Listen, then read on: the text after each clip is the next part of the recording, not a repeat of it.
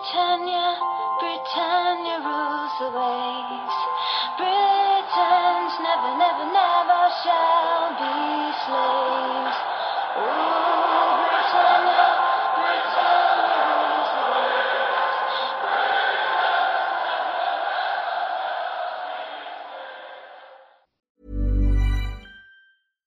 Sandra, and I'm just the professional your small business was looking for. But you didn't hire me because you didn't use LinkedIn jobs. LinkedIn has professionals you can't find anywhere else, including those who aren't actively looking for a new job but might be open to the perfect role, like me.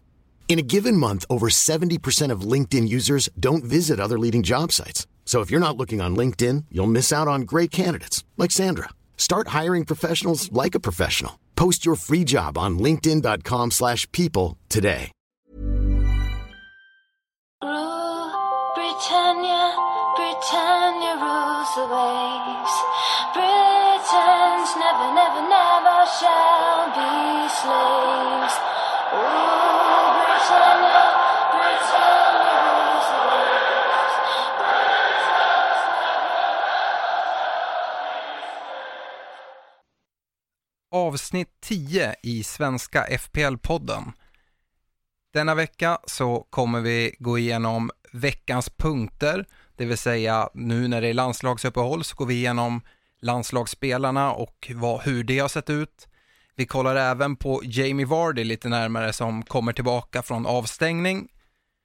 Vi har ett stort fokusområde denna vecka då Stefan har gjort ett jättejobb i att ta fram massa statistik. Så här kommer det bli veckans djupdykning. Vi kikar närmare på poddlaget, vi kollar på veckans rekommendationer och avslutningsvis så kör vi lite lyssnarfrågor som vanligt. Hej Stefan! Hallå Alex. Och jag hoppas att ni hör att vi har ett lite extra krispigt och härligt ljud. Vi är nämligen på ett studiebesök, eller kanske till och med studiobesök skulle man kunna säga. Vi är i I Like Radios lokaler på Ringvägen i Stockholm, i samma hus som eh, Viasat spelar in. Jätteroligt att vi har fått kommit hit och jätteroligt att vi får låna deras studio. Så idag så sitter vi mitt emot varandra och pratar. Ja, det känns eh, superspännande och eh, vi hoppas ju kunna leverera ett riktigt bra poddavsnitt här. Absolut. Och eh, vi, eh, vi kan väl nämna det direkt. Gå med i ligan om ni inte har gjort det. Följ oss på vår Facebook-sida, Svenska FPL-podden. Och eh, med det så tycker jag vi kör igång. Veckan som har gått, eller landslagsuppehållet. Jag tänker att vi kollar lite närmare på det. Jag har försökt se mycket landslagsfotboll och det jag inte har, har sett har jag försökt se lite höjdpunkter ifrån. Så jag tänker vi går igenom det med start i torsdags den 6 september. Och eh, då så gjorde Aaron Ramsey i Arsenal mål i Wales överkörning av Irland 4-1. Och tanken är här att vi nämner några spelare, nämner lite kort om dem eh, och ser, ser helt enkelt hur det har gått. På torsdagen så var det en match till som fångade mitt intresse och det var Frankrikes 0-0 match mot Tyskland. Och eh, Mendy i Frankrike får inga minuter, precis som i VM, så att han borde komma utvilad. Frankrike hade ju en till match som vi kommer komma till lite senare. Från fredagen så spelade Belgien och eh, vann med 4-0 mot Skottland i en träningsmatch. Eh, Lukaku och Hazard målskyttar och Batshuayi gjorde två mål. Noterbart är ju att eh, Benteke, Fellaini och Mignolet till exempel var skadade och kom ej till spel. Jorginho i eh, Italien, målskytt på straff mot Polen när Italien spelade 1-1. Och eh, lördagens matcher så fick vi se väldigt otäcka bilder från Luke Shaw. Han, eh, han spela fram Marcus Rashford till 1-0 mot Spanien. Väldigt vacker framspelning. Men blir sedan ordentligt skadad och jag tror att det rör sig om en hjärnskakning. Han blev liggande sju minuter på plan innan han, de fick av honom med bår och nackskydd och helt avsvimmad. Men eh, rapporter säger att han är uppe och går efter matchen och att han är tillbaka i, i Manchester och till och med att det finns möjlighet till spel på lördag, något som jag ställer mig lite tveksam till, men eh, han kommer nog inte vara borta allt för länge, vilket eh, vi hoppas på. Brasilien vann även på lördagen 2-0 mot USA och eh, det är ju ett Brasilien med lite, lite spelare som får stanna hemma i sina klubblag, framförallt Manchester City som har lyckats få, få ha kvar lite spelare. Men i, i matchen i alla fall så Firmino var, blev målskytt och i truppen så fanns spelare som Richarlison i Everton, Andreas Pereira och Fred från United, William, Chelsea, Allison i mål från Liverpool. Och eh, brassarna har match igen på onsdag mot El Salvador som också spelas i USA. Men eh, den, eh, den matchen vet vi ingenting om, för vi spelar alltså in idag tisdag den 11 september. Men det man kan notera är att de som är med i truppen där kan ju riskera rotation och då kanske framförallt Firmino som jag tänker på. Eh, Richarlison är fortfarande avstängd. Eh, William i Chelsea kan också Eh, var lite i farozonen. Från söndagen så eh, gjorde Christian Eriksen båda målen för Danmark. Ett mål på straff, men när de vann mot Wales med 2-0. Vi, äh, även äh, Hoylet från Cardiff gjorde tre mål för Kanada, men jag vet inte hur mycket kraft man ska lägga på det. De mötte amerikanska Jungfruöarna och vann med 8-0. Men eh, det är väl aldrig dumt att slå in tre baljer, tänker jag. Och sen spelade Frankrike sin andra match i det här landslagsuppehållet och eh, då fick Mendy i alla fall göra ett inhopp och han spelar en knapp halvtimme och hinner fixa en assist. Men precis som i City så såg väl defensiven från Mendys håll ganska obefintlig ut. Men han spelade fram till Girouds 2-1 mål i alla fall. De vann ju mot Holland. Juris fortsatt skadad och eh, spelade ingen av Frankrikes matcher. Dock finns det goda förhoppningar om att han startar nu till helgen mot Liverpool. Och gårdagens matcher, alltså måndag den 10 september, då kan vi se att Skottland spelade, däremot ingen Ryan Fraser från Bournemouth, en spelare som, som Stefan har haft i sitt lag och vi har haft lite rekommendationer på. Men eh, frågan är hur illa det är. Han är gulmarkerad i fantasy och vi får följa presskonferensen helt enkelt och se hur allvarlig den, eh, den skadan kan vara. Robertson i Liverpool var bäst på plan i Skottlands match, så att uh, hans, hans form hänger i sig, även om Liverpool går lite tuffare matcher till mötes.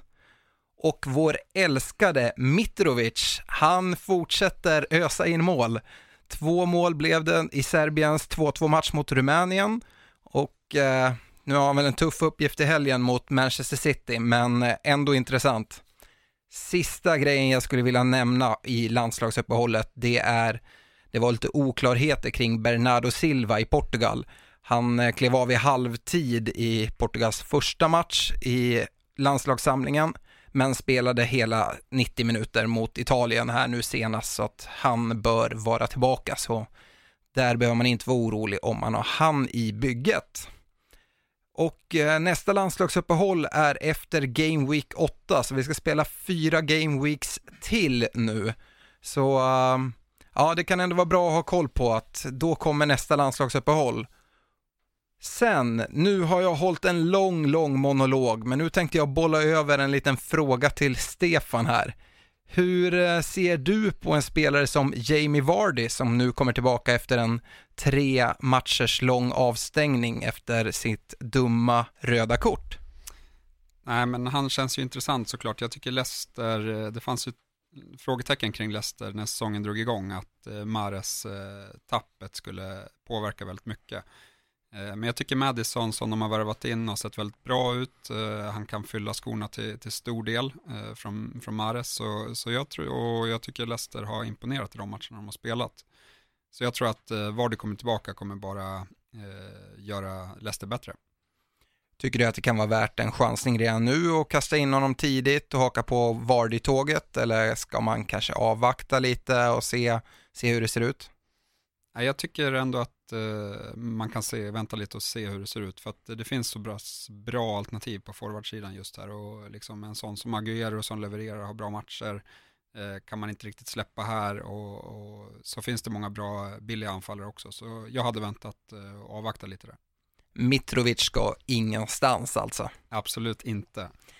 Okej, okay. med det så var landslagsgenomgången avklarad och vi ska gå in på den stora punkten denna vecka och det är din framtagning av statistik Stefan och du ska få förklara lite närmare själv vad den bygger på men eh, det man kan säga generellt är väl att kolla lite på de spelare som har presterat och inte har presterat, att hur ser underliggande statistik ut, vilka har överpresterat och eh, kanske inte kommer leverera lika mycket poäng framåt och åt andra hållet vilka som kanske inte har producerat så mycket men borde kanske ligga högre upp i poängen. Ja, men det stämmer bra. Eh, som sagt, den här statistiken är baserad på den man hittar på Fantasy Premier League-sidan om man går in på transfers till exempel. Eh, då finns det, om man bläddrar sig runt där, så finns det något som heter ICT-index. Eh, och det här är då en sammanvägning utav eh, influence, creativity och threat. influence är en sammanvägning av alla nyckelgrejer du gör under en match, både offensiva och defensiva. Eh, creativity, där handlar det mer om eh, din förmåga att göra assist. Eh, slår du många nyckelpassningar, lägger du hörnor, slår du mycket inlägg, då får du högt i, i, den, i det betyget. Och threat, där handlar det ju såklart om att göra mål. så det är lite av det. ICT-indexet, det är en, en viktad, viktat snitt av det här som tar alla de här tre eh, och, och väger dem lika tungt. Eh, så det ger en bra överslagsbild över hur involverade en spelare är och hur, hur sannolikt det är att de gör mål eller assist. Ja, och det är ju extremt mycket siffror i de här tabellerna. Och vi har väl kollat på att kolla på lite de som ser absolut bäst ut utifrån det här ICT-indexet och vi går igenom position för position. Och målvakter kommer vi inte ta upp utan vi, vi kommer starta med forwards, gå vidare till mittfältare och avsluta med försvarare. Och jag hoppas, nu har vi inte pratat ihop oss här, men jag hoppas att vi ska kunna få ut lite av de här eh, som vi pratar om, de siffrorna, om vi skulle kunna lägga ut dem på Facebook-sidan om man vill titta lite närmare på dem, hoppas jag att det ska vara möjligt. Ja, det var väl tanken att vi ska lägga upp någonting på Facebook-sidan eh, där man kan själv gå in och kolla på de här, eh, den här statistiken. För det är ju som sagt eh, svårt att få med allting så här snabbt i en podd. Eh, men som sagt så kommer vi gå börja med forwards eh, och eh, fokusera då på ICT-index, så inte bara på threat som man kan tänka för forwards. Eh, utan här får vi lite mer allround-betyget. Eh, eh, det jag har gjort också är att jag har delat indexet med antal matcher. Så att alla, även om man spelar en match eller två matcher eller tre matcher eller fyra matcher så har man lika bra chans. För det här är per match ICT-index. Eh, vilket fångar upp då de spelarna som inte har spelat fyra matcher till exempel. Eh, men om vi kollar på listan så eh, finner vi Agüero högst upp. Eh, han har 12,6 i ICT-index, eh, vilket är eh, väldigt högt. Eh, vi kommer se det när vi eh, går igenom eh, motsvarande positioner på mittfältarna. Jag skulle säga att mittfältare och forwards är väldigt eh, jämförbara i det här eh, avseendet. Eh, det man kan säga är att han ligger faktiskt lite högre än vad han gjorde i fjol, så han bidrar ännu mer i år. Eh, och vi vet ju att Pep Guardiola har sagt att han eh, inte har samma skadeproblem i år. Eh, så kanske att han kommer spela mer matcher i år också. Eh, kollar vi på andra plats så, så är det faktiskt Lukaku. Eh, och det här kan ju ha att göra med att det är faktiskt en match som har påverkat väldigt mycket. Det är 25% utav underlaget. och du, jag vet ju att Alex, du sa att han var väldigt, väldigt farlig här mot Burnley senast. Så det tror jag har dragit upp hans snitt. Men, men kollar man mot hans snitt från föregående år så, så presterar han mycket bättre i inledningen av det här året. Ja, och här skulle jag vilja tillägga då att jag tyckte absolut att han var farlig. Och med farlig skulle jag vilja säga att han tar sig till chanser. Sen så hans, hans sista del, där när han ska trycka in bollen, den finns inte riktigt där. Utan även om man ser att han tar sig till lägen, han gjorde två mål nu, matchen mot Burnley, det är, båda är jättegott, men om man såg matchen mot Burnley så kan man även se att i en, en Lukaku i normalslag, han gör absolut fyra mål i den matchen. Eh, en Lukaku i stor form, han gör sex mål i den matchen. Så att, Eh, men det är jätteintressant, ta, fortsätter han ta sig till de här chanserna som han har gjort nu och det är lite det vi vill mena med de här ICT-statsen också. Du får rätta mig om jag har fel Stefan, som du som är, är pappa till de här siffrorna, men eh, det är ju det som den visar att han har en potential till att leverera väldigt mycket mer poäng än vad han redan har gjort. Ja, men det stämmer bra. Eh, har man ett högt betyg här så betyder det som du säger att man har kommit till mycket lägen. Och eh, dock så fångar det inte upp hur många av de här lägena man har suttit dit och hur många man har missat, utan eh, det här är helt enkelt eh, förmågan att komma till lägen som, som räknas då. Eh, och vi fortsätter på listan. plats tre och fyra innehas av Mitrovic och Ings, två billiga forwards som har börjat säsongen bra, men statistiken backar också upp att eh, de levererar väldigt bra. Eh, femte plats Jordan och Johan kommer jag inte nämna så mycket om, för han har spelat en match.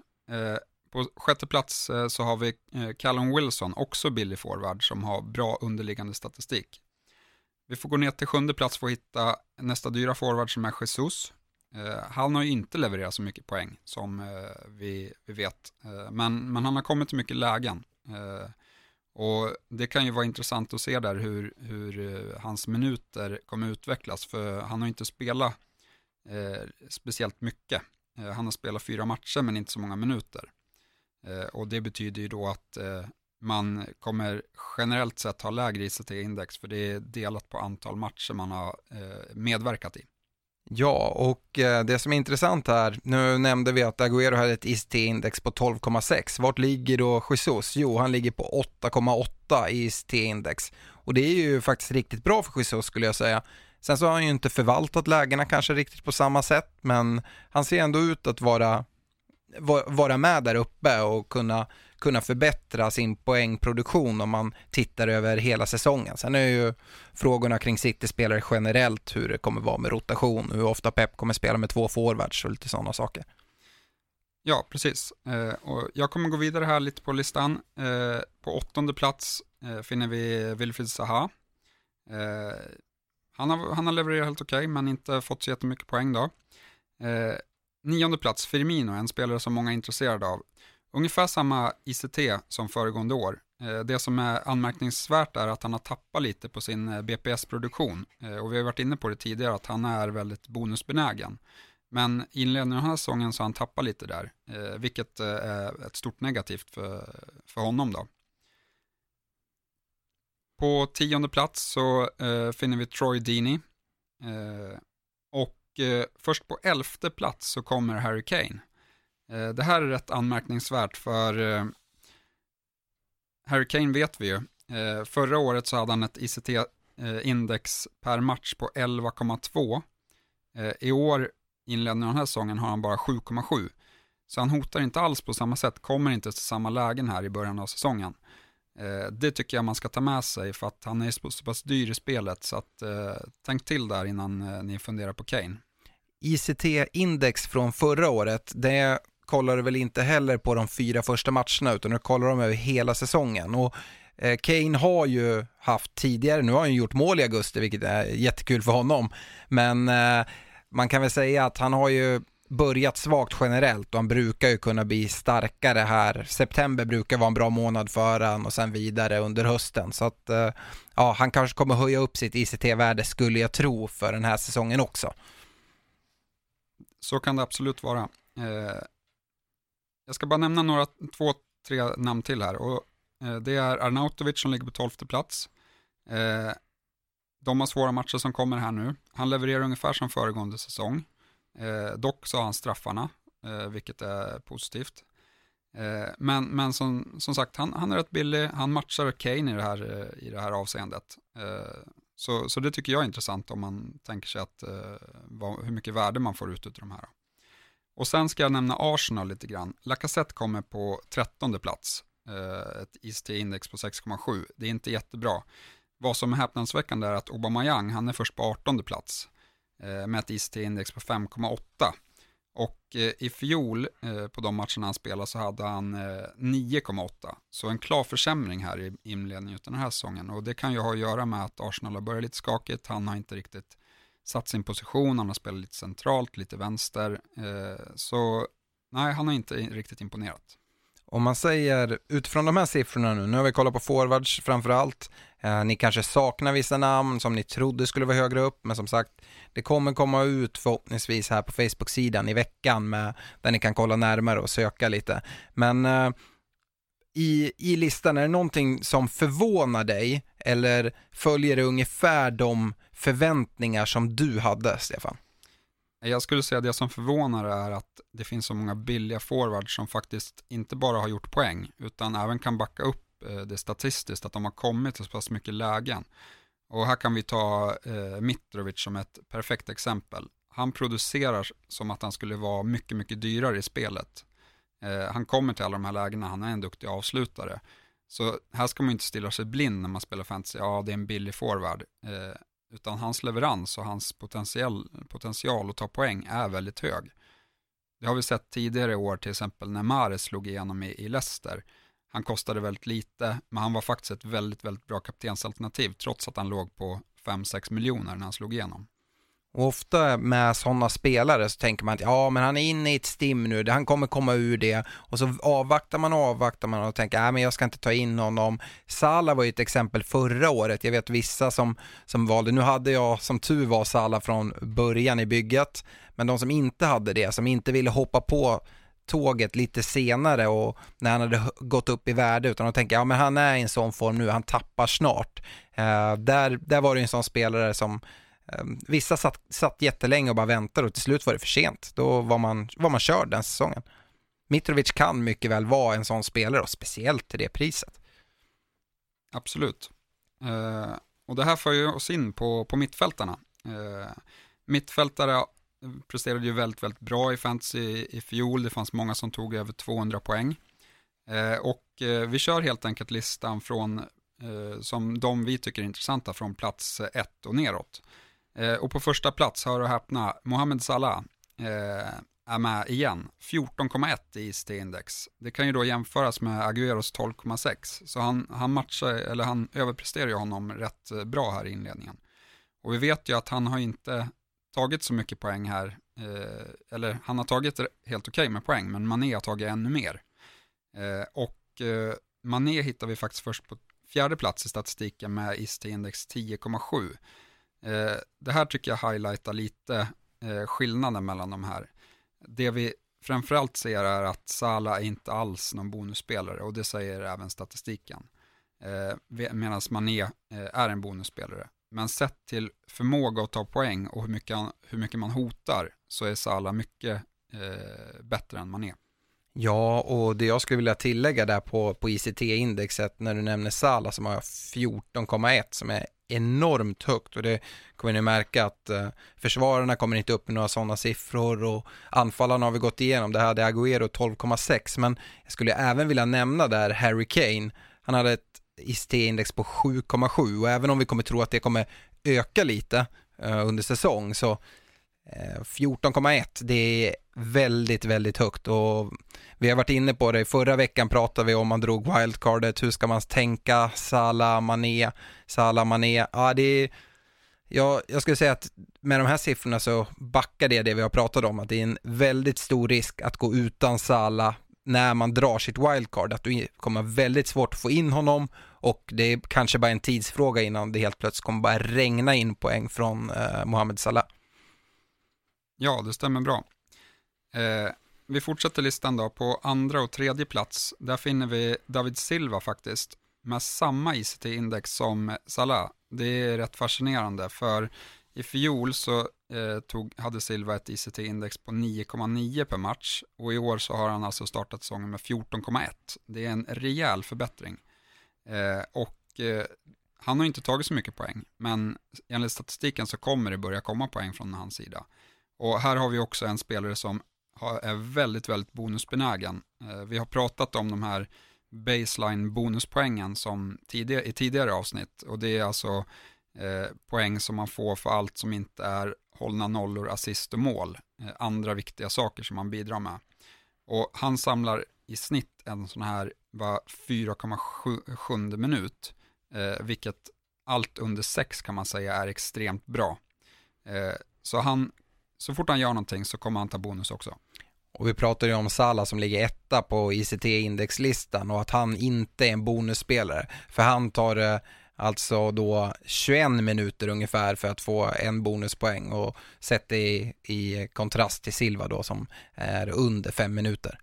Och här kan vi nämna Mané också på 6,5 eh, och då vet vi att Mané har plockat en del bonuspoäng. Så man, har man 6,5, gör lite mål, en noll assist, då, då ligger bonusen nära också. Eh, på tredje plats så eh, har vi Hazard, 11,1 har han ICT-index. Eh, det är också mycket bättre än i fjol, där han hade 9,3. Eh, och det här är ju ett, en effekt av eh, Sarris offensiva fotboll skulle jag säga. Eh, Chelsea har mer boll, mer offensiva. Eh, och det trivs ju Hazard med. Eh, också en bra bonusspelare, 5,1 minut på per baseline bonus. Eh, matchar nästan David Silva. Eh, jag går vidare på, till sjätte plats för vi har några som faller bort på grund av få matcher här. Där finner vi Raheem Sterling. Eh, hans ICT-index är 9,5, det är bra. Men i fjol eh, så var det 10,0. Eh, och eh, han har även lite sämre bonusförmåga här i början av den här säsongen. Dessutom så är Sterling bra mycket dyrare det här året än vad han var förra året och av den anledning så har vi ju lite tidigare varit inne på det att ja men Sterling är intressant. Han kommer ta en hel del poäng i Manchester City. Men uh, för de pengarna, jag tror att det finns bättre ställen att investera de, uh, de pengarna. Jag instämmer helt och hållet och där lyfter vi fram David Silva här som ett eh, bra alternativ. Eh, vi går ner till åttonde, nionde och tionde plats. Där finner vi tre spelare som alla har förbättrat sig mot föregående säsong. Eh, och det är Pedro, Richarlison och Alli i den ordningen. Den som har förbättrat sig mest är Pedro, sen kommer Richarlison och sist Alli. Men eh, alla har runt eh, 9 i ICT-index, eh, vilket är bra. Och eh, bäst utav de här på att plocka bonus inledningen är Pedro, eller eh, som, som baseline-bonus som vi har varit inne på. Och det här tror jag också har mycket att göra på hur Chelsea spelar sin fotboll numera. Mycket bollinnehav, det blir mycket aktioner för, för ytterforwards och ytterbackar och, och liksom, de bidrar mycket i matcherna. Ja, nej men Pedro, Pedro är ju intressant. Sen är ju frågan hur mycket speltid som kommer stjälas från exempelvis William. Men som jag nämnde nu om man ser väldigt kortsiktigt då, jag är relativt säker att Pedro startar till helgen och att det är William som får vila då han kommer tillbaka sent från Brasiliens landslagssamling. Ja, eh, jag tänkte bara ta några namn till här. Eh, alla de här namnen ligger runt 8 i ICT-index eh, och eh, det är då bättre än alla forwards som jag, som jag nämnde. Eh, så det här tycker jag också bekräftar bredden på mittfältarna. Att, eh, eh, ja, inte bättre än alla forwards, men bättre än de forwards jag nämnde på slutet runt Harry Kane. Och det här tycker jag bekräftar mittfältarnas liksom, förmåga att ta poäng i fantasy. De har fler sätt att ta poäng än vad, än vad forwards har. Och det har vi sett nu de senaste säsongerna att mittfältare tar ofta mer poäng än forwards. Eh, det tycker jag man ska ha i åtanke. Spelarna som jag vill nämna var eh, är Schürrle på elfte plats eh, och Fraser på trettonde plats. Två billiga alternativ som alltså backar upp det här att det är också bra spelare att ha med i sitt bygge för en väldigt billig peng. På tolfte och fjortonde plats har vi två Manchester United-bidrag, Pogba och Sanchez. och vad vi ser på Pogba, han har inte förbättrat sig nämnvärt från föregående säsong. Det som har hänt är att han har tagit några straffar i år. Eh, nu missade jag en senast, så vi får se hur det utvecklar sig. Eh, Sanchez, han har försämrat sig rätt rejält mot i fjol. Och glöm inte det jag säger, håll er borta från Manchester United-spelare. Ja, det kan vara en bra idé. Eh, ja, eh, då har vi egentligen bara en lista kvar. eh, och det är backarna. Backarna kan man ju nästan säga är mest intressanta det här året eftersom vi ser premiumalternativen som levererar ett efter ett. Så att eh, det här tycker jag ska bli väldigt intressant att kolla närmare på. Ja, och eh, det är du helt rätt ute på. Om jag, bara den generella slutsatsen här på backarna, om man jämför topp 20 här som jag har tagit fram, jag kommer inte nämna alla, eh, men alla har så mycket högre ICT-index i början av den här säsongen än vad de hade eh, på hela föregående säsong. Eh, jag har sett någonstans någon artikel som säger att ja, men det brukar vara så att eh, backarna är lite mer offensiva i inledningen av säsongen och så tajtar det till lite. Eh, men jag tror att det här ändå är en så pass stor avvikelse så att man inte kan eh, blunda för den, utan eh, backarna levererar verkligen i år. Eh, ett tillägg här, nu när vi kommer nämna ICT-indexet, mellan mittfältare och anfallare så är det väldigt enkelt att jämföra dem och sätta dem mot varandra. Men ICT-index för försvarare kommer generellt sett vara lägre siffra än vad det är på, på mittfält och forwards eftersom att de inte, även om de spelar väldigt offensivt, kommer de aldrig vara lika mycket uppe i, i anfalls, eh, i, i motståndarnas straffområde till exempel. Nej, det stämmer bra. Eh, dock får vi ett mått på vilka backar som är offensiva med ICT-indexet. Eh, men sen tycker jag att man ska även kolla på statistiken för hur bra defensiv som lagen har, eh, vilket är väldigt eh, viktigt. Eh, men vi börjar på första plats, där finner vi Trippier. Eh, och det har ju att göra med att eh, ja, han, han har utvecklats, blivit en bättre spelare, han tar även en del fasta i år. Eh, dock så bidrar han också mer än vad han gjorde i fjol med att ta eh, baseline bonus. Så han ser väldigt intressant ut här. Eh, på tredje plats så har vi Mendy. Och på samma ICT-index eh, har vi Alonso 8,1 mot Trippiers 8,7. Bara ett förtydligande, anledningen till att vi hoppar över andra platsen är precis som vi har gjort tidigare. Det är en spelare som bara har spelat en enda match så att det är inte av intresse. Nej, precis. Eh, så där har vi då tre eh, dyra backar eh, till att börja med. Eh, alla har förbättrat sig på ICT, alla har förbättrat sig på bonusinsamlingen. Eh, alla ser jätteintressanta ut. På fjärde plats kommer Holibas. Eh, också en stor förbättring mot i fjol. Eh, genomgående, eh, alla backar har förbättrat sig som är med på den här listan. Eh, Billy 4,8. Han kommer ju då, i och med att han tar mycket fasta och liksom hörnor och frisparkar, så de går in i ett tuffare schema. Eh, men vi vet ju att eh, fasta situationer, det kan ju faktiskt eh, ske vad som helst på. Så det behöver, även fast han kommer troligtvis släppa in mer mål än vad han gjort tidigare så betyder inte det att han inte kan ta offensiva poäng. Någonting som är extremt noterbart här är att om man rankar eh, lagen efter hur eh, sannolikt det är att de släpper in mål eh, och då baserar det på ja, ett, eh, ännu ett eh, mått som är eh, baserat på de antal chanser man släpper till och de antal stora chanser man släpper till, hur bra man rankar jämfört med de andra lagen. Så i fjol då hade Watford det 14 bästa försvaret enligt det här måttet och i år så rankar de faktiskt bäst av alla.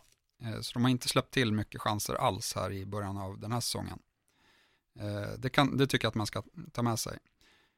Eh, och på sjätte plats har vi Keen i Everton. Han är ju för tillfället skadad med en huvudskada.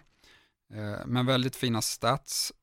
Och noterbart är att Evertons förväntade insläppta mål har faktiskt förbättrats till den här säsongen. De, de läcker inte lika mycket som föregående säsong, vilket kanske går emot vad många tror när Marco Silva har tagit över mer offensiv coach.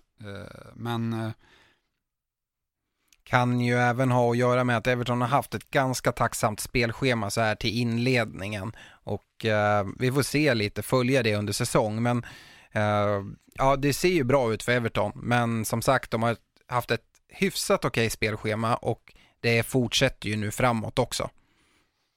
Ja, och eh, vi börjar bli lite långrandiga på den här punkten. Jag ska nämna några namn till. Eh, Monreal kommer på sjunde plats eh, och eh, det kan man sätta vi finner även Mustafi på tolfte plats. Eh, Arsenals spelschema blir mycket, mycket bättre nu. Eh, Då tycker jag enligt statistiken ska man först kolla på Monreal och sen kanske Mustafi. Åttonde plats eh, har vi en spelare som bara spelar en match. Jag tog med honom ändå eh, för att han är väldigt intressant och det är Rico i Bournemouth. Eh, han eh, kostar bara 4,5 eh, men vi såg han i första matchen, han tog både hörnor, frisparkar, lite likt Holebas som vänsterback. Kan han snå åt sig den här vänsterbacksplatsen från Charlie Daniels, eh, då, kommer han, då tycker jag han ser väldigt intressant ut. Samlade extremt mycket baseline-bonus och Bournemouths försvar har förbättrats avsevärt i år. Ja, och det som är intressant där med Bournemouth, du nämner Rico som kommer in, tar hörnor, frisparkar, jättehärligt. Det enda som man kanske kan bli lite orolig för, det är ju de som har valt då Fraser-spåret i Bournemouth som har tagit väldigt mycket fasta situationer. Nu kan man få följa det lite och se vad händer. Kommer han fortsätta ta de här fasta? Om han inte tar det, är han fortfarande intressant att ha kvar i sitt lag? Absolut, där har du en väldigt bra poäng.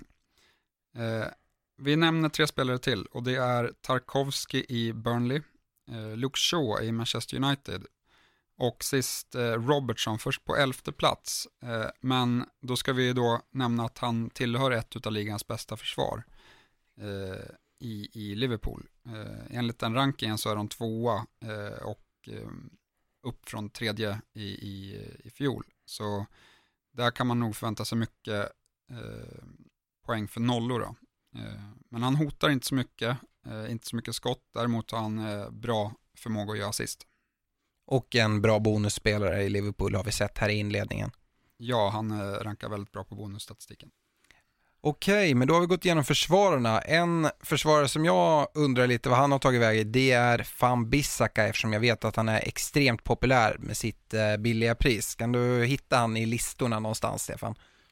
Ja, det stämmer bra. Han skulle jag också nämna. Han ligger på 15 plats, eh, 5,6 ICT-index, eh, lite lägre, men för det priset så är han ju väldigt intressant.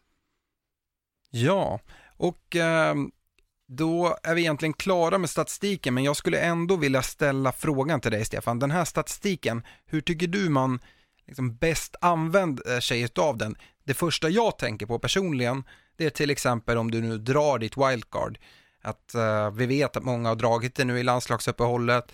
Man kan kolla, okej, okay, du var inne på det, ja, men jag ska ha en Arsenal-försvarare, jag står i vägen mellan Monreal eller om jag ska gå på Mustafi eller Monreal och Beijerin.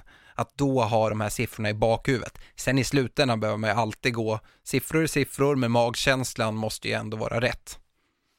Ja, absolut. Och som du säger, man kan få högst i ICT-index om man kommer till mycket lägen. Det säger ingenting om hur bra man är på att sätta dit lägena. Eh, eller jag tror att det finns en liten parameter som, som säger hur bra, eh, som gör att man får lite högre ranking. Men generellt så kan man komma, få väldigt hög ICT-index utan att göra poäng. Eh, så, men, men jag tycker det är ett bra tips som du sa att jämföra mellan lag och spelare om man står och väljer mellan två. Eh, och backa upp det, inte bara kolla på hur mycket poäng har den här spelaren tagit eh, hittills, för då kan man, det bli fel att man jagar poäng istället för att jaga underliggande statistik som kanske är en bättre indikator på framtida poäng då.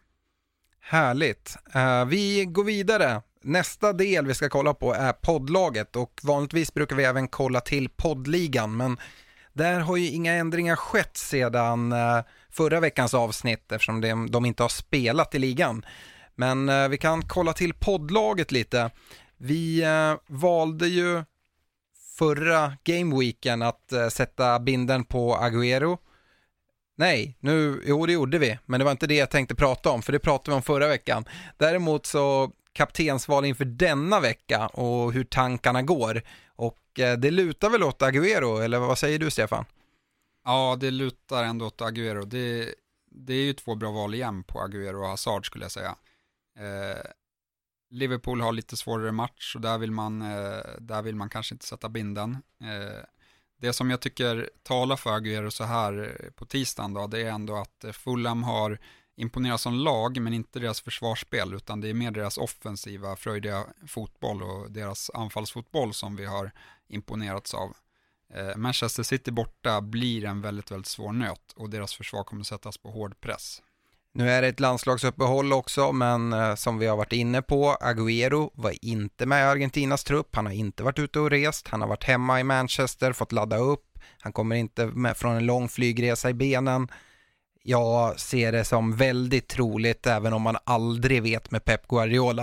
Men jag ser det som väldigt troligt att han ska starta dessutom hemma på Etihad där han trivs jättebra.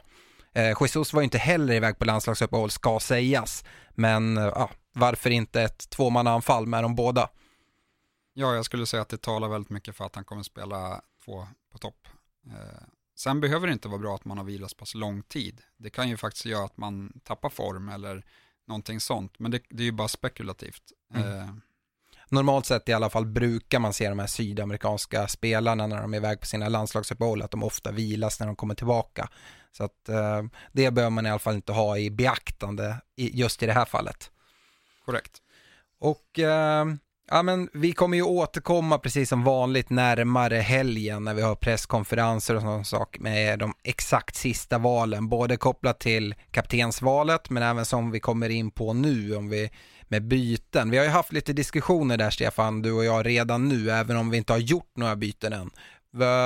Du får gärna berätta lite, vad, vad är det för diskussioner vi har haft och hur går tankarna? Nej, men direkt eh, efter omgången så fick vi ju Walcott skadad i matchen eh, för Everton och så här kom ju inte ens till start. Så vi hade ju två skador direkt efter omgången. Eh, men vi, eftersom som, om man hade varit själv så kanske man hade gjort snabba byten, men vi lyckades ju ändå behålla lugnet här. Mycket tack, för att, tack vare att vi ska komma överens också. Så vi har inte gjort några byten och nu verkar det som att i alla fall Saha är tillbaka i träning och kommer spela. Eh, men vi har ju kollat på alternativen då för de här två spelarna. Eh, och då är det så, vi har lite pengar i banken. Eh, och om vi skulle vilja byta ut Walcott mot Silva till exempel, så skulle vi kunna byta Saha mot Wilson. Det är det vi har pratat om. De bytena har vi råd med. Och när man kollar till exempel på den här statistiken jag har tagit fram så blir man ju väldigt sugen. Dels för att Walcott, han var ju inte ens med topp 20. Silva rankar lika högt som Salah i underliggande stats. Och eh, vi har ju faktiskt Wilson som är, ligger bättre än eh, Zaha på forwards. Så det känns lite som att vi får två uppgraderingar. Dessutom så sitter vi ju endast på två City-spelare och eh, vi har ju länge sagt det att eh, men tre City-spelare bör man nästan ha när de ser så här fina ut men det har varit svårt att hitta vilka man ska gå på. Vi har ju Mendy och Agüero, de känns ju givna där de är och Silva på mittfältet nu när Kevin De Bruyne är borta känns också extremt intressant och inte minst nu när vi har kollat på statistiken. Men det är de byten vi funderar på, men eh, vi får återkomma i frågan. Det som anledningen till att vi inte bör göra dem, det som talar emot att göra dem, det är ju att spara bytet och ha två byten till, till nästa vecka. Dessutom inte ta några minuspoäng och eh, ja, Sa som sagt tillbaka i träning. Jag tror även att det finns stora möjligheter att Walcott startar i helgen och de har, de har helt okej okay matcher båda två. Ja, vi, som sagt, vi är väldigt kluvna för det här, men, men eh, det är Silva, och få in Silva som, som jag tror både du och jag är väldigt sugna på. Ja, i övrigt så är det ju hur vi ska ställa upp laget och ja, vi kommer återkomma i det här, men kort kan man säga, det är ju ett målvakts, målvaktsval som vanligt. Patricio hemma mot Burnley, Fabianski borta mot Everton. Hyfsat enkelt, säger jag. Vi gjorde ju fel val förra gameweeken och bänkade Patricio. Nu när han spelar hemma så, ja, ja vi, som diskussionen har gått så lutar vi åt att han får vakta kassen i vårt lag. Och sen är ju diskussionen hur bänken ska se ut, men den lämnar jag här nu så återkommer vi frågan på Facebook-sidan helt enkelt. Och eh, med det så lämnar vi poddlaget och går in på rekommendationerna. Och eh, vi hade ju inga rekommendationer förra veckan, eller förra veckans avsnitt. Eh, så nu tänker jag även att vi följer upp de reka vi gjorde tidigare. Nu var det ju två veckor sedan så det är lite svårt att komma ihåg men jag har skrivit ner här de reka vi hade. Jag, jag rekommenderar Trippier och du Alonso och det är ju spelare som går väldigt bra i statistiken och ja, Stefan har du något att säga där? Nej, för, för veckan som gick så Alonso tog nio poäng. Jag har inte koll på, på vad Trippier tog. Eh, men, men som sagt, båda ser fina ut. Så eh, det är två spelare som man eh, absolut bör titta på och ha i sitt lag. Ja, och det är inga spelare man tar in för en match eller så. Man tar in dem i sitt bygge och sen får de sitta där. Men veckans rekommendation på backsidan, vill du börja där Stefan? Jag har valt eh, Doherty från Wolves. Eh, Wolves har eh, tre fina hemmamatcher nu de kommande fem. Eh, han imponerade väldigt mycket offensivt i, i, från sin wingback-roll senast, kom till mycket lägen. Eh, och jag tycker Wolves ser rätt stabil ut, eh, plus att han kostar bara 4,5. Eh, så ska man till en Wolves back så lutar jag mer åt Doherty än den jag själv har privat i mitt lag eh, personligen som är Bennett. Ja, Bennett är ju lite billigare, men eh, absolut, Doherty ser jätteintressant ut. Nu kanske jag går lite händelserna i förväg här, men jag, jag väljer ändå att göra det. Doherty har jag valt som mitt differential-val och därför satt jag så här, ja men ska jag ha han både som, som rekommendation på försvarare och som differential? Ah, jag valde till slut att inte göra det, men det är svårt här på, på backarna. Det är ju lätt att bara sitta och upprepa sig och säga, ja men kör Alonso, kör Trippier, eh, kör Robertson. För att det är så pass, de levererar så pass fint, men jag har försökt hitta något annat och ja, jag vet inte om jag helt är 100% bakom min egen rekommendation här, eh, i alla fall inte på kort sikt, men jag har skrivit Holibas eh, och det har ju att göra med hans fina, fina spel och med med de assist som han har fått gjort med, med fasta. Men om jag ska flagga upp en varningsflagga för min egen rekommendation så är det ju att han drar på sig en hel del kort eh, och dessutom så Watfords spelschema ser inte jättefint ut just nu men ja, det är ju inte omöjligt att han kommer fortsätta sin poängproduktion. De möter United nu till helgen och eh, jag tycker ju jag tycker inte United övertygar så att eh, ja ah, nu har jag pratat lite runt den här rekommendationen, men eh, jag backar ju din rekommendation väldigt hårt här också. Det kan ju vara ett tips till de som har Holebas från början här och kanske behålla honom över de här svåra matcherna och kanske att han får spela någon av dem, skulle jag säga. Absolut. På mittfältet eh, så hade vi båda rekommenderat Hazard förra veckan och det var ju ett byte vi själva gjorde, du sa det vi Alonso som var din rek på backsidan, han eh, han levererar en hel del poäng, Hazard gjorde ju lika så.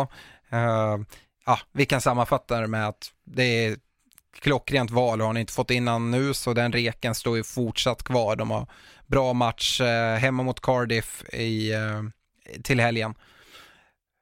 Den jag har hittat den här veckan och det skulle inte förvåna mig om vi ligger lika här, det är ju vår allas David Silva i Manchester City. Jag vi, vi kollar på statistiken, det är den enda som är i närheten av Sala som till och med matchar hans ICT-index och eh, utöver det, man behöver inte vara en statistiknörd för att se att den här killen kommer ta en hel del poäng det här året i fantasy.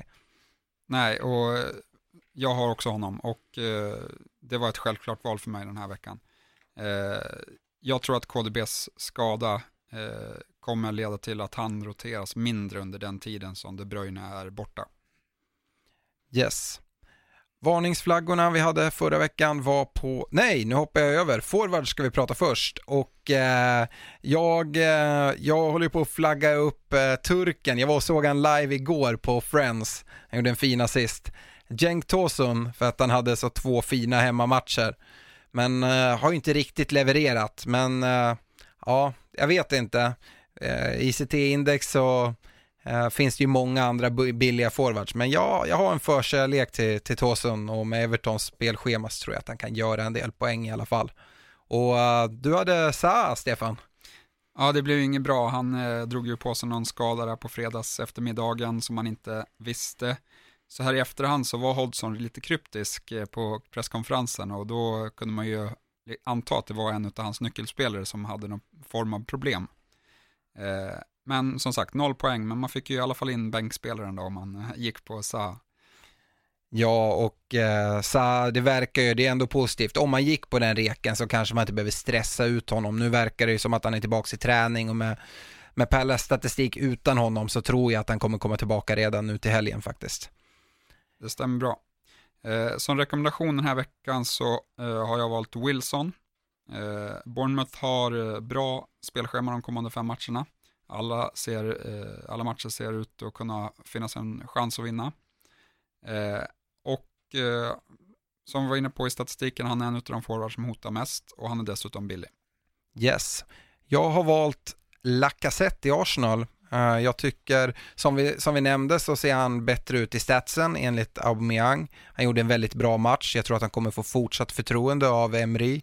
Och eh, ja, jag mm, Arsenal gillar att möta de här brödgängen och framförallt på hemmaplan. Jag tror att han kommer smälla dit en, en del bollar och dessutom billigare än Aubameyang eller eh, Agüero eller de här eh, Lukaku, de allra dyraste forwardsen. Men eh, jag tror att han kommer matcha dem i poäng, i alla fall de här kommande, kommande omgångarna.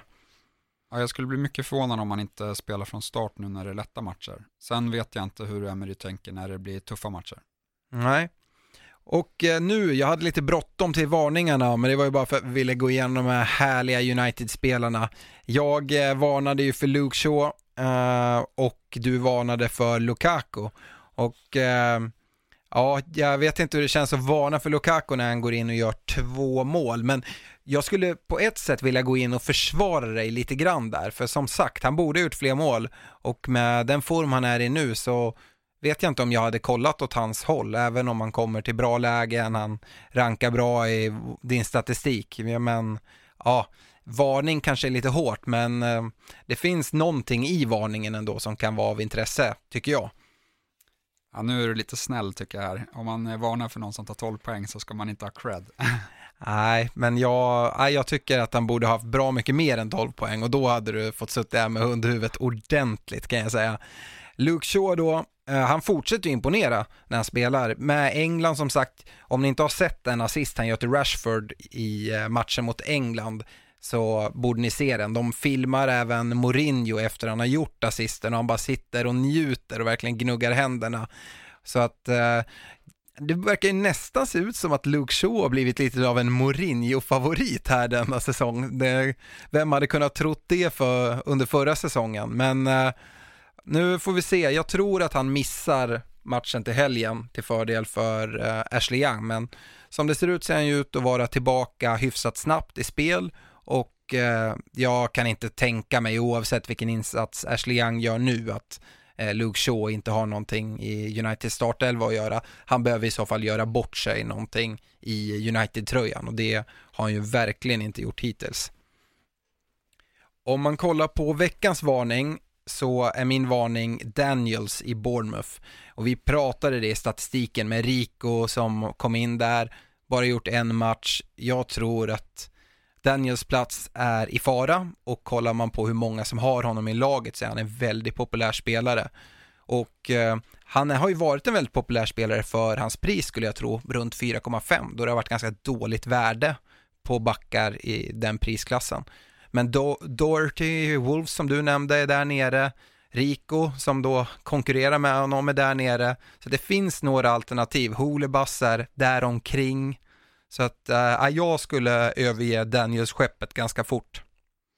Ja, då kan vi ju nämna här, eh, min differential är Rico den här veckan. Eh, och eh, jag tror ju att eh, när man gör en sån premiär och en sån första match det ska väldigt, väldigt mycket till om man ska bli av med sin plats, utan eh, han kommer få fortsatt förtroende tror jag. Och så länge han spelar bra, då kommer han behålla den platsen. Yes, Vad, vem var din varning denna vecka? Eh, Arnautovic har jag valt. Eh, West Ham går in i ett hemskt spelschema. Kommande tre hemmamatcherna är mot Chelsea, Manchester United och Tottenham, så knappast några enkla poäng där. Han kan ju göra poäng såklart mot alla lag men inga enkla poäng. Eh, det vi ska veta, även om man har lugnat ner sig lite, är att han är hetlevrad i grunden. I sådana här toppmatcher så kan det bli rätt, eh, rätt eh, aggressivt och jag skulle inte säga att det är helt uppåt väggarna att han skulle ta eh, gula och röda kort här eh, i någon av matcherna. Är det till och med så att du tycker att man kanske ska kolla på att byta ut honom om man har han i laget eller är det en varning att ta inte in honom just nu? Ja, det är alltid svårare om man ska byta ut honom eller så, men, men eh, har man honom då är det ett byte bort, eh, då kanske man ska vara, vara lite mer försiktig i det här. Eh, men, men jag skulle inte byta in honom framförallt. Nej. Vi kollar kaptensvalet. Förra gameweeken så höll jag på att skrika med Hesum Maguero och hans Newcastle-match som inte blev jättebra. Det landade väl i en assist och någon bonus. Och eh, du pratar Hazard, men det här har vi pratat om förra veckan att det blev Agüero för vårt poddlag och eh, vi skulle egentligen ha valt Hazard, men med de underliggande statsen så kan man heller inte säga att det var fel med Agüero.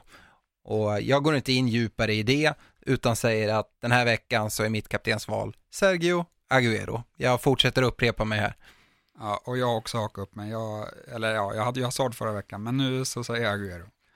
Ja, eh, nej men han, han, ser jättefin ut. Vi har pratat om Aguero tidigare så vi skippar det. Och differential-valen har vi ju redan nämnt båda två vad vi har. Jag, eh, Doherty som jag, jag pratade om och som Stefan hade som rekommendation på backen kan vi bara nämna, han ägs alltså av 0,7% och han ser ju ut som som Mendy eller Robertson eller Alonso i liksom sin position i planen. Alltså han är uppe i motståndarnas straffområde, straffområde hela tiden. Så det är väl därför helt enkelt. Och jag tror att hans, hans ägarandel kommer att, kommer att öka. Men, eh, och du nämnde ju din differential där i, i också. Men eh, förra veckan eller så, då hade vi två olika. Jag hade Gündogan och du hade Lukas Mora. Och Gündogan var en bedrövlig rek. Eh, vi sa det redan då att akta för Citys mittfält. Uh, nu har vi en rek båda två på David Silva, men den, den känner jag mig ändå tryggare med. Men Gündogan fick ju faktiskt väldigt lite speltid. Han hopp, fick ett inhopp på ja, runt en kvart tror jag. Uh, Mora fortsätter ju leverera, han fick väl ett självmål som han fick assen på. Ja, jag var extremt förbannad när Agüero kom eh, två mot en med, med Gündogan i slutet och väljer att försöka lobba istället för att passa i sidled till Gündogan som hade haft öppet mål. Ja, det var, det var ju märkligt. Eh, det hade varit kul, alltså hade Agüero satt den, då hade man ju varit glad, men det hade varit bättre än att bara tagit den enkla assisten som man hade, hade fått lite mer poäng där på sin kapten. Så, rekommendationerna klara för denna vecka och vi hoppas att de ska leverera som vanligt kan vi väl säga, eller i de flesta fall i alla fall, har gjort hittills. Avslutningsvis, vi eh, ska drämma av lyssnarfrågor. Jag kollar lite på klockan, men vi ska hinna med några stycken. Vi tar några här i början där eh, vi har fått lite frågor kopplade kring vilken spelare ska jag välja? Och eh, Joakim Längroth har skrivit Mikitarian och van Anholt eller ska man ta ett minusbyte för att få in David Silva och Ryan Bennett? Ja, det här är ju intressant för Silva ser ju väldigt, väldigt intressant ut. Det kan jag hålla med om. Eh, nu, men å andra sidan, nu var ju varken Mkhitaryan eller van Anholt med i den här statistikgenomgången vi hade.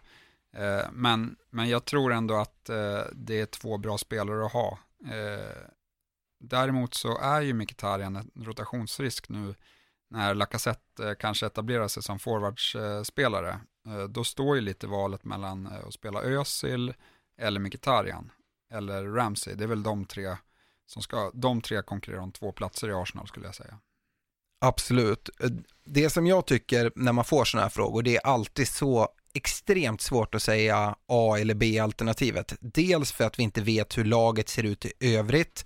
Har han redan backning i, i Manchester City och har två City-spelare och inte har då eh, David Silva, ja men då, då väger det in. Så att det är jättesvårt och i slutändan, oavsett vad vi säger här, skulle jag vilja säga till alla att gå på e-, egen magkänsla. Fortsätt jättegärna att ställa frågor och vi säger gärna vad vi tycker, men det är jättesvårt när man inte har hela laget och dessutom så vår magkänsla är inte alltid rätt heller och det är lättare att, att kunna eh, gå på det man själv tror. Men eh, jag vet inte, jag, jag är jättelockad av David Silva, men eh, både Mkhitaryan och van Anholt tycker jag är bra val och har fina spelscheman så att, ah, jag vet inte om jag hade, hade gjort bytet i alla fall. Och man ska ju väga, det, väga dem mot varandra och att Bennet tillsammans med Silva ska ta mer poäng än Mkhitaryan och van Anholt. Mm, plus de minuspoäng. Ah, jag vet inte. Nej, den är svår. Absolut, det är väl därför frågorna kommer. Men eh, vi har en annan här då. Den kanske är lite lättare. Från Wilhelm Frid, Dele Ali eller Christian Eriksen?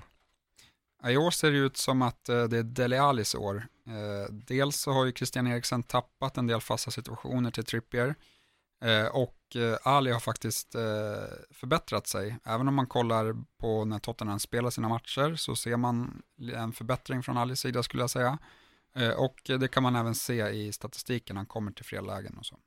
Den ena brasklappen är som sagt, Christian Eriksen gjorde båda målen för Danmark mot Wales. Däremot ska man säga att då en var på straff, vilket han inte har i Tottenham. De lär ju Kane fortfarande ta skulle jag tro. Och eh, dessutom så spelar han ju en väldigt framskjuten roll i Danmarks landslag, inte riktigt samma roll i, i Tottenham. Uh, yes, uh, Chris Karlsson säger, jag har inte bestämt mig om man ska ta in Kane. Han ser lite stel ut i mina ögon, men han kommer straffa mig om jag inte tar in han. Nu närmar sig Champions League med, så kan, kan säkert vara rotation i topplagen. Ja, precis, och då kan väl även eh, Kane roteras, tänker jag. Nej, eh, men eh, han är ju såklart, eh, kanske inte roteras, men han kan nog eh, bytas ut tidigt i matcherna eh, när det är Champions League. Eh, men, men som sagt, jag tycker man ska avvakta och se med Kane. Han, eh, han ser inte jättehet ut och han har fått några bra lägen här eh, som han inte har satt dit också, även fast han gjorde mål i augusti. Så eh, jag kollar inte ens mot Kane i mitt lag. Nej, inte jag heller och det får man väl se om det straffar sig, men jag skulle även säga att värde finns på annat håll och just nu till exempel så är det många som överger Sala och eh, han kostar ungefär samma som Kane och det finns så mycket värde på budgetforward så att kanske att man ska ta in någon budget där och få in Sala istället på mitten då. Eh, det skulle jag nog mer kolla mot. För man sitter nog, det är väldigt få som sitter med båda skulle jag säga. Sen så har vi en fråga från Challe Bengtsson Jarup. Är Schneiderlin den bästa mittfältaren för 4,5? Då tänker jag på spelschema och benägenhet att göra poäng över en hel säsong. Ja, jag tror inte att du kommer hitta någon 4,5 eh, mittfältare som, eh, regel, som kommer ta speciellt mycket poäng. Utan det är i sånt fall någon som eh, ska spela eh, helst hela matcherna, inte ta så mycket gula kort och sådana saker. Om du då någon gång skulle behöva få in någon från bänken. Ja, generellt sett kan man väl säga att finns det någon möjlighet att knyckla till sig en 0,5 till och kunna gå upp på 5,0 där du kan hitta spelare som Ruben Neves eller Kanté som har en mer framskjuten roll i Chelsea.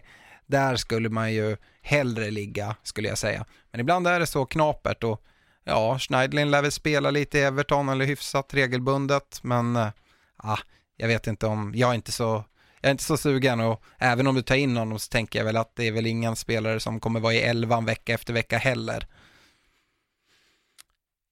Martin Tegnevik, den här kanske du känner igen, för han ställde exakt samma fråga förra veckan, men jag tycker ändå att den är intressant att ta upp. Eh, kommer Walcott och Zaha starta, eller ska de bytas ut? Jag tror att båda kommer starta. Eh, Zaha har varit tillbaka i träning sedan igår tror jag. Eh, och Walcott har vi inte hört så mycket om, men eh, hans skada verkade inte så allvarlig. Yes. Uh, Emanuel Leander skriver, ser ni några fynd bland de spelare som har eller ser ut att prisdroppa? Du kollar lite i pappren här Stefan, det är svårt att ha koll på alla. En spelare som jag skulle vilja nämna, som jag vet att du och jag diskuterar lite grann, det är ju Davis i Tottenham. Som, eh, som sagt, alla Tottenham-försvarare kostade ju 6,0 ungefär. Jag tror att Davis är nere på 5,8 nu.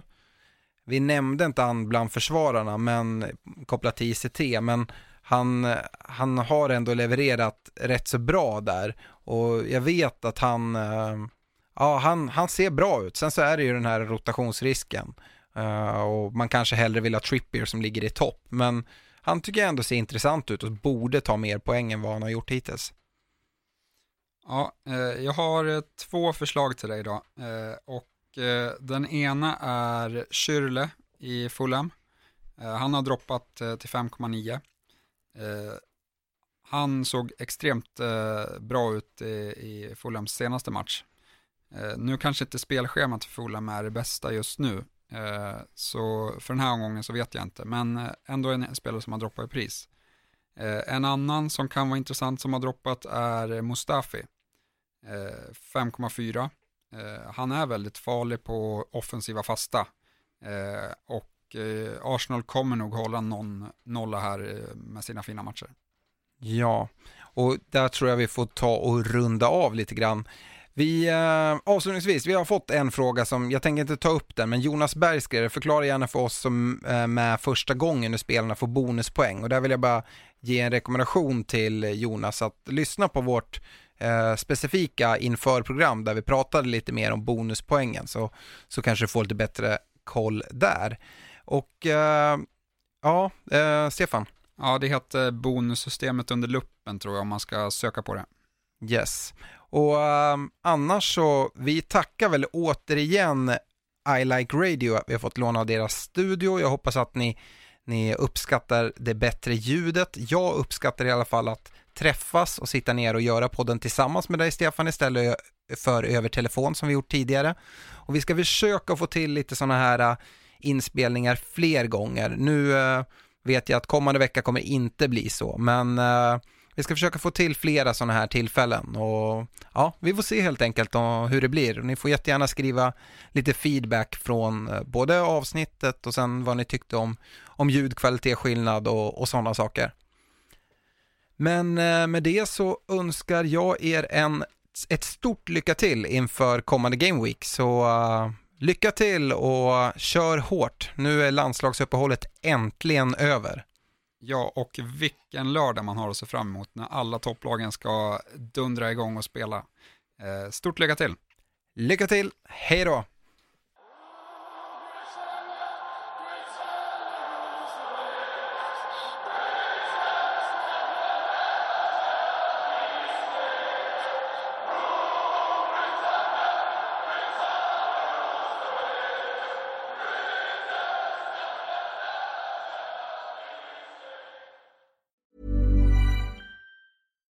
Here's a cool fact a crocodile can't stick out its tongue. Another cool fact you can get short term health insurance for a month or just under a year in some states. United Healthcare short term insurance plans are designed for people who are between jobs, coming off their parents' plan, or turning a side hustle into a full time gig. Underwritten by Golden Rule Insurance Company, they offer flexible, budget friendly coverage with access to a nationwide network of doctors and hospitals. Get more cool facts about United Healthcare short term plans at uh1.com.